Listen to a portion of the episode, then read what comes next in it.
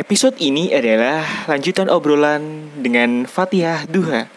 Selamat mendengarkan.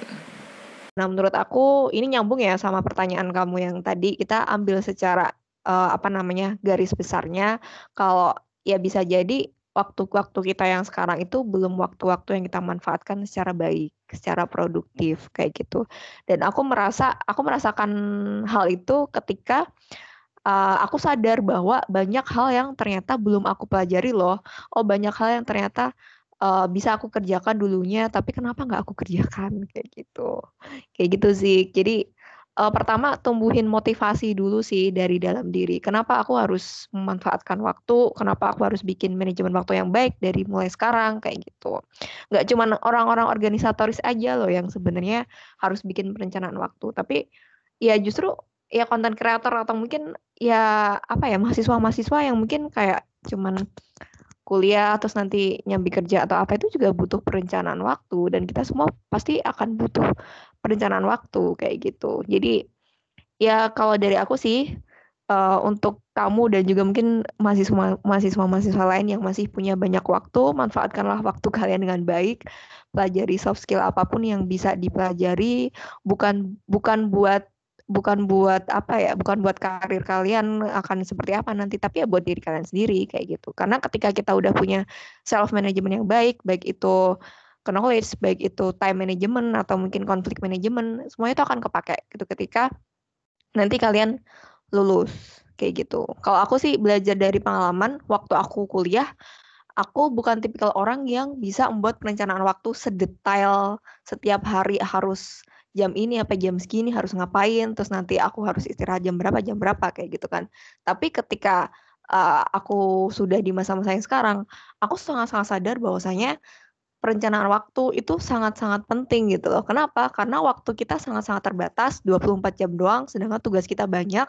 Terus kita juga butuh istirahat, kita juga butuh konsumsi hal-hal yang maksudnya improve skill kita kayak misalkan kita dengerin podcast, kita baca buku itu kan tetap penting ya sih ya walaupun kita punya kerjaan apa ya kerjaan formal segala macam. Nah itu kalau misalkan nggak diatur itu akan berantakan gitu. Karena aku bisa jadi ngerasa kalau oh ntar ah masih ada besok, ntar ah masih ada ntar malam kayak gitu. Padahal bisa jadi uh, ketika aku menunda-nunda ya kerjaanku yang uh, harusnya bisa aku lakukan malam malah jadinya nggak bisa aku, aku lakukan malam karena aku melakukan pekerjaan yang harusnya bisa aku lakukan di pagi hari apa siang hari kayak gitu. Hmm belum lagi kalau misalkan nyuci terus apa lagi ke pekerjaan-pekerjaan rumah kayak gitu kalau misalkan kamu anak kosan kan pasti juga ngelakuin hmm. semuanya sendirian kan kayak gitu hmm.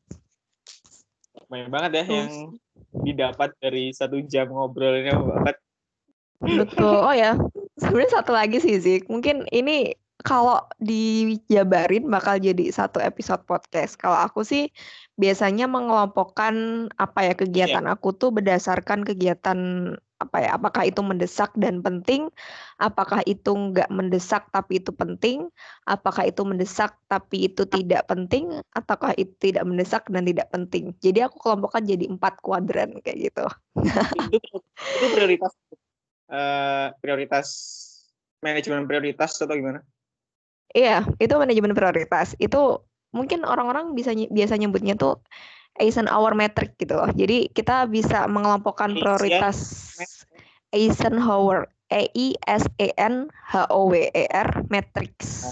Ya, itu cuman salah satu tools aja untuk manajemen waktu supaya kita itu bisa tahu apakah aktivitas kita itu ya termasuk kategori yang harus dilakukan sekarang, apakah itu bisa ditunda apakah itu bisa didelegasikan ataukah itu bisa di ya udah dihapus aja. Jadi kalau yang kuadran pertama itu katakanlah do.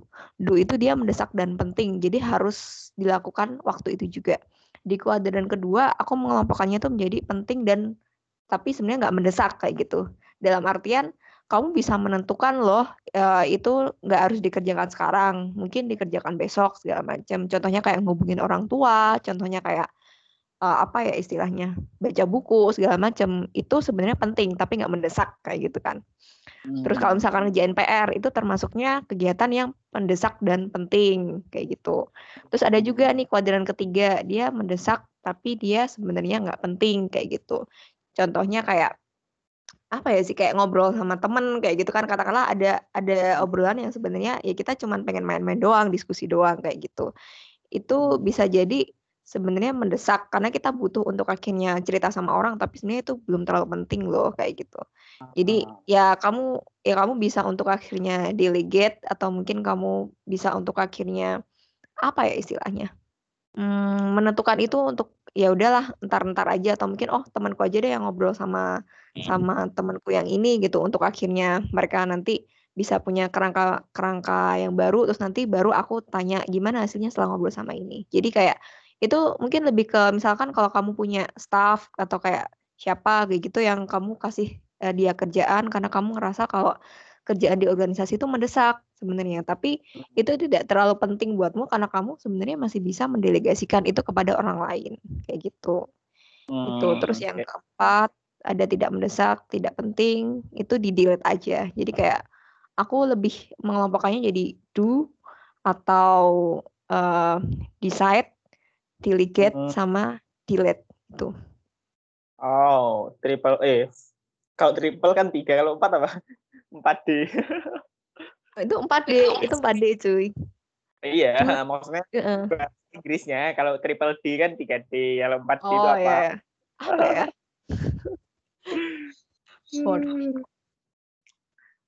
Menarik banget ya obrolan kita uh, siang eh pagi hari ini teman-teman dan ini mungkin pembahasan terakhir kali ya Mbak ya. Mm -hmm. uh, gimana sih menghandle distraction gitu. Kita tuh aku tuh orang yang sangat mudah terdistraksi oleh hal-hal kecil gitu atau mungkin oleh kebiasaan gitu. Kebiasaan lama atau apa pun itulah gitu. Jadi kemudian eh, yang awalnya kita udah ngeplan, kita udah belajar untuk melakukan itu, udah diplan dengan baik, udah disiapkan waktunya, ada distract sedikit aja hancur langsung berantakan seperti itu. Nah, gimana tuh uh, menghandle distraction kalau misalnya dari uh, pengalamannya? Apa ya? Kalau aku Um, dulu aku mengira mungkin aku pengen bikin perencanaan waktu yang serinci mungkin kan sih, tapi ternyata kalau aku pikir-pikir untuk pekerja-pekerja kreatif mungkin kayak kamu gitu, kalau kita itu strict sama apa uh, perencanaan waktu yang misalkan jam 1 sampai jam 2 tuh ngapain segala macam, itu kadang malah menghambat diri kita sendiri, menghambat kreativitas kita. Karena kadang-kadang bisa jadi kreativitas kita tuh munculnya waktu ya waktu sebelumnya atau waktu bahkan sesudahnya kayak gitu kan ya gitu uh, itu sih kalau aku tuh dulu sempat mikir kayak sebenarnya kan ada dua ya cara untuk akhirnya kita itu tidak terdistraksi contoh katakanlah uh, pertama itu dengan uh, time blocking kayak gitu kan. Tadi yang aku bilang kayak misalkan jam segini sama jam segini aku harus ngerjain pekerjaan yang ini nih. Terus uh, jam segini sama jam segini aku istirahat dulu. Terus jam segini jam segini aku baru lanjut. Tapi uh, aku mikir kalau misalkan kalau kayak gitu ada beberapa hal yang kayaknya aku nggak bisa kayak gitu gitu. Jadi aku punya dua metode sih. Yang pertama time blocking yang kedua adalah event blocking kalau event blocking itu aku berdasarkan uh, apa ya list pekerjaan kayak gitu. Jadi aku checklist nih kira-kira kalau misalkan hari ini aku harus balesin email, kira-kira aku harus balesin chat, terus aku harus meeting kayak gitu kan segala macam itu aku aku list dulu. Jadi aku kelompokkan uh, satu pekerjaan satu satu aktivitas itu dengan aktivitas yang hampir serupa itu ke dalam satu kelompok. Oh, gitu. Kalau misalkan ini udah selesai, baru aku pindah ke rumpun aktivitas yang lain kayak gitu. Hmm. Jadi tergantung kita enaknya mau seperti apa. Apakah mau mengatur kayak misalkan hmm, per jam uh, dengan rinci segala macam 24 jam ataukah kita ya event blocking itu tadi. Karena beberapa cowok mungkin kayak kamu itu ya. Itu kan hmm. bisa jadi nggak terlalu ini banget ya sih runtut dan rinci untuk akhirnya ya, uh, ya bikin perencanaan setiap hari terus sebelum tidur tuh mikir kira-kira besok mau ngapain kayak gitu. Hmm. Itu aja sih. Ada dua. Uh, ada dua. Yang blocking ya. sama event blocking gitu ya. Yes, sama ya, ya kita harus tahu sih kenapa kita harus manajemen waktu dengan baik. Kalau mungkin uh, sekarang kita mikir wah manajemen waktu tuh aku susah banget ya. Sebenarnya bukan susah, tapi karena mungkin kita merasa kalau kita nggak ada apa ya strong way untuk akhirnya manajemen waktu kenapa aku harus manajemen waktu dengan baik? Kayak gitu. Instead of apa ya kita itu mikir bisa nggak ya aku manajemen waktu dengan baik? Coba manajemen energi sama attention dulu kayak gitu.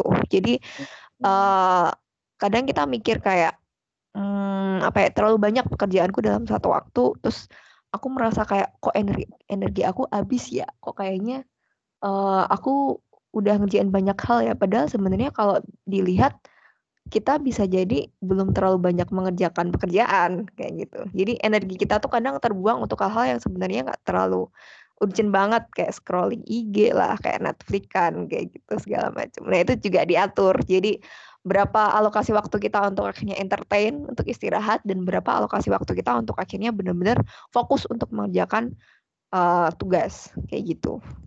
Oke. Okay ngomongin soal ini nih oh, time management aku jadi jadi menarik mungkin jadi pertanyaan terakhir lagi uh, soal aku tuh orangnya sangat sulit tidur ya dalam artian orang tidur itu kan karena dia memplanning oke okay, jam 10 malam jam 12 malam aku tidur tapi aku hmm. enggak aku Gimana tidur tuh, karena aku tidur karena ketiduran ya. jadi hmm. aku sangat sulit untuk memplanning aku tidur jam 12 atau jam 1 misalnya ya hmm. karena aku tidur karena ketiduran karena misal hp segala macam wah udah segala macam langsung tiduran itu dan ini sangat berimpact buruk terhadap apa yang aku lakukan keesokan harinya jadi lesu lemas kemudian nggak produktif dan lain sebagainya gitu nah ini Betul. mungkin salah satu inilah salah satu apa istilahnya salah satu roda gigi kecil lah dalam uh, mencapai keproduktifan adalah ketika kita bisa memanage uh, waktu tidur kita. Gimana sih uh, apa ya cara maksudnya biar bisa tidur itu sesuai tepat waktu terus kemudian kita tidur ya karena kita butuh bukan karena kita ketiduran gitu. Karena yang hmm. biasa aku lakukan ya itu aku karena ketiduran akhirnya bangunnya siang terus kemudian bangun juga masih capek segala macem masih males-malesan gitu. Apalagi cuaca mendukung banget nih untuk tiduran seharian. Karena hujan mulu gitu kan ya iya jadi pengen tidur mulu ya. Iya, uh, gini sih sih kalau aku aku tipikal orang yang dulu waktu kuliah itu tidurnya bisa malam banget, bisa jam satu lah, bisa jam 12 kayak gitu kan. Terus aku mikir ternyata perbedaan ketika kita tidur apa ya tidur waktu ketiduran dan tidur ketika kita benar-benar menyiapkan waktu untuk tidur tuh beda banget cuy rasanya di tubuh. Jadi kalau kita ketiduran ya rasanya tuh kayak nggak sadar kalau ternyata oh um, aku tadi ternyata ketiduran loh dan setelah bangun aku ngerasa kayak lebih linglung gitu lebih linglung dan kadang malah lebih capek gitu kan apalagi kalau ketiduran kan biasanya uh, kita tidurnya katakanlah di atas jam 12 malam lah ya, itu kan udah malam banget. Nah, itu kenapa kita bisa paginya itu tuh kelihatan linglung, kelihatan lemes, karena sebenarnya uh, kalau kita hubungan sama kesehatan ya, sebenarnya jam-jam itu tuh udah jam uh, tubuh tuh nggak lagi bermetabolisme, nggak lagi apa ya punya mekanisme apa ya mekanisme yang baik kayak gitu. Jadi jam 11 itu adalah waktu maksimal ketika apa ya metabolisme tubuh tuh lagi bereaksi gitu di tubuh kita. Jadi di jam itu harusnya ya, harusnya kita itu udah tidur, udah istirahat kayak gitu. Tapi kan pada kenyataannya ya bisa jadi kita malah tidurnya lebih di atas jam 11. Nah, itu yang bikin itu tadi itu ngaruh banget sama yang namanya kesehatan dan mungkin kebugaran tubuh kita ya. Aku tuh ngerasa banget aku uh, waktu kuliah Aku waktu kuliah kan aku nggak pernah atur aktivitasku ya, aku nggak pernah atur waktu aku tidur kapan segala macam dan aku biasanya tidur malam karena aku menganggap bahwa ya orang orang muda ya, maksudnya uh, masih muda gitu ngapain tidurnya jam 8 ngapain tidurnya jam 9 oh ya kayak gitu. Ya Allah cemen banget tidur jam segitu kayak gitu kan. Kayak aku nggak ada kerjaan lain aja gitu kan. Tapi iya. ternyata itu itu pikiran yang salah sih sebenarnya. Itu karena kata kita lagi bahas manajemen waktu ya. Kalau aku sekarang itu berusaha untuk mending aku tidur di jam 9 lah katakanlah. Dan aku bangunnya jam 2. Dan ketika aku bangun jam 2, aku masih bisa kayak katakanlah sholat tahajud, terus aku masih bisa untuk akhirnya mengerjakan tugas yang ternyata ketika aku kerjakan di jam-jam segitu kok lebih fresh ya kayak gitu. Hmm. Jadi aku mulai membalik pola ini sih uh, pola tidur aku yang dulunya mungkin katakanlah aku bisa tidur jam 2 gitu kan. Terus bangun subuh, terus habis itu setelah sholat subuh kadang masih ngantuk kan, terus akhirnya tidur lagi. Nah, itu juga yang nggak baik. Makanya aku coba untuk akhirnya atur kira-kira kalau nggak jam 9 atau jam 10 aku harus tidur. Terus di jam 2 atau jam katakanlah jam 3 aku bangun. Kayak gitu. Karena itu itu lebih apa ya? Aku ngerasanya lebih sampai tubuh aku lebih enak aja nggak tahu sekarang kalau dulu kan aku ngerasa ya itu tadi yang aku bilang Allah apaan sih tidur masa jam 9 sampai jam 10 kayak kayak mbah-mbah iya. aja kamu ngerasa kayak gitu nggak atau aku doang yang bilang kayak gitu ya?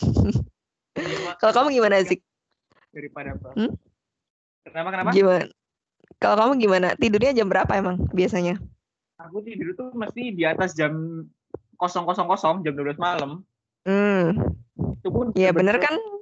Uh, dan sebenarnya apa yang aku lakukan dari Isa misalnya jangan Isa deh dari jam 9 dari jam 9 sampai aku ketiduran jam setengah satu atau jam satu itu sebenarnya nggak nggak berguna berguna banget sebenarnya. Nah, nah, nah, nah ini nih yang pengen aku omongin. Kalau dulu aku mikirnya kayak ah, aku habis maghrib apa habis isya sebenarnya bisa lah untuk akhirnya ngerjain tugas. Tapi ternyata sih pada kenyataannya, pada realitanya, jam-jam segitu tuh aku rawan buka HP, cuy. Dan aku kadang Netflix kan, terus kadang aku scrolling Twitter, scrolling Instagram, kayak gitu. Jadi malam-malam yang aku pikir itu bisa produktif, ternyata malah sebenarnya gak terlalu produktif-produktif banget gitu kan. Terus aku mikir ya dibanding aku tuh menganggap bahwa jam segini aku harusnya melek, aku harusnya ngapa-ngapain, tapi ternyata malah kenyataannya kenyataannya aku ngerjain apa-apa malah pegang HP ya kenapa aku nggak tidur aja sih jam segitu gitu kan terus aku bangunnya uh, nanti setelah jam satu jam dua atau jam tiga kayak gitu sih karena aku ngerasa di jam-jam ya jam-jam habis isya itu malah rawan banget godaannya untuk akhirnya aku cari hal-hal yang bersifat hiburan malahan kalau aku sih nggak tahu kalau batas maksimal aku bisa produktif itu jam dua dua dua dua itu jam berapa ya? Jam sepuluh. Jam, nah itu ya, ya, jam sepuluh. Jam sepuluh hmm. aku benar-benar pol. Tapi ya hmm. ya seringnya jam delapan jam sembilan aku udah nyari excuse ya ini bisa dilanjutin besok lah. Iya, ya. nggak apa-apa. Nggak apa sih, Zik. Itu berhubungan sama apa namanya? Ya, itu time management sih. Kalau kamu ngerasa mungkin di waktu-waktu setelah Isya terus katakanlah sampai jam 10 kamu butuh waktu untuk me time, butuh waktu untuk cari hiburan ya nggak masalah. Cuman nggak bis nggak nggak bisa dijadikan pembenaran kalau misalkan kamu kebablasan sampai jam satu apa jam 2 dan itu cuman buat hiburan doang. Itu wasting oh, iya. kalau menurut aku kayak gitu. Iya. Itu sih. Diban uh, uh, dibanding kamu mikir ah masih jam 10 aku nggak tahu mau ngapain masa mau tidur kayak gitu yuk. Terus tapi kalau misalkan uh, apa aku nggak tidur, aku juga males buat ngerjain tugas kayak gitu kan. Mesti kamu pernah punya konflik kan dalam diri seperti yeah, itu. Iya. Iya. ya coba aja dibuat decision making supaya ya cobalah jam 10 tuh tidur dibanding kamu apa ya? Uh, kamu sayang banget kok jam 10 udah tidur tapi kalau kamu nggak tidur pun sebenarnya kegiatan yang kamu lakuin nggak terlalu berguna-guna banget kayak gitu. Aduh faedah banget nih minggu pagiku teman-teman mendengarkan petuah-petuah dari Wah. orang yang terbiasa. Sharing aja ya. Aku juga banyak experience kok itu. Iya. Uh, ada lagi mbak yang mau disampaikan? Uh, jadi gini teman-teman, uh, FYI, saya FYI. Jadi untuk episode ini sebenarnya tidak akan langsung diupload satu jam gini enggak. Mungkin akan dibagi ke beberapa episode ya beberapa part ya. Karena obrolan kita pagi hari ini sangat bervariasi. Jadi ada ketika kita bahas quarter life crisis ada manajemen diri ada terus kemudian bahkan tutorial tidur tadi juga ada pembahasan tersendiri ya kan jadi nanti mungkin akan dipisah menjadi beberapa part gitu kali ya hitung-hitungan nih satu kali rekaman untuk beberapa konten. wow, wow, wow. Kamu nabung nih. Gimana Mbak Fat? Adakah hal lain mungkin yang mau disampaikan terkait dengan pengembangan diri ataupun uh, ap apa pun lah yang mungkin uh, mau di-share sama Mbak Fat ke teman-teman mendengar nih. Oke, okay, ya. Uh, dikit aja ya karena mungkin tadi juga udah banyak dibahas sama Zikri. Sebenarnya obrolan ini aku tidak tahu sih apakah temanya quarter life crisis atau bakalan dikasih judul yang lain karena Zikri nanya juga sangat-sangat random. Tadi nanya nanya tentang quarter life crisis pertama terus nanya tentang kok ada sangkut pautnya hijrah terus ngomongin manajemen diri terus ngomongin lingkungan juga kayak gimana. Oke lah sih nggak apa-apa. Kita ngalir aja ya sih ya. Tapi yang pengen aku sampaikan ke teman-teman di sini adalah uh, balik lagi sih teman-teman karena kita masih di usia yang 20-an ya yang tadi aku bilang ini adalah usia-usia learning. Jadi uh, teman-teman pendengarnya Zikri harusnya uh, tidak usah merisaukan apa yang itu namanya quarter life crisis karena itu pasti akan terjadi di kalian kayak gitu. Mau nggak mau itu akan pasti terjadi dan pasti ya teman-teman di sini termasuk aku pun pasti akan mengalami hal seperti itu kepikiran banyak hal kepikiran apa ya waktunya kok mepet banget. Padahal hal yang dicapai itu kayaknya rasanya tuh banyak gitu aku harus dapat karir yang jelas aku harus nikah lah aku harus ngapain kayak gitu. Ya itu pikiran-pikiran kita di usia-usia sekarang dan teman-teman nggak usah khawatir karena itu wajar itu sangat-sangat lumrah gitu ya. Yang membedakan uh, kita dengan apa ya istilah eh, yang membedakan kita berkembang atau enggak adalah action yang kita hasilkan setelah itu. Kalau aku nonton TED Talks-nya Adam Grant itu uh, manusia itu dikatakan berkembang ketika kita itu bisa mengambil keputusan apakah kita akan ambil aksi setelah kejadian-kejadian yang menimpa kita kayak gitu. Kalau aku bilang sih overthinking itu pasti, cuman problem solving itu pilihan kayak gitu. Kalau teman-teman itu overthinking, jangan pernah bilang bahwasanya uh, teman-teman itu tuh sedang tidak sehat atau segala macam karena overthinking itu hal yang lumrah yang membedakan kita berkembang atau enggak setelahnya itu adalah ya apakah kita mau menentukan keputusan, apakah kita untuk apakah kita mau untuk akhirnya uh, apa ya memecahkan masalah dari overthinking itu, nah itu yang akan jadi pilihan kita itu. Itu sih, itu aja sih dari aku.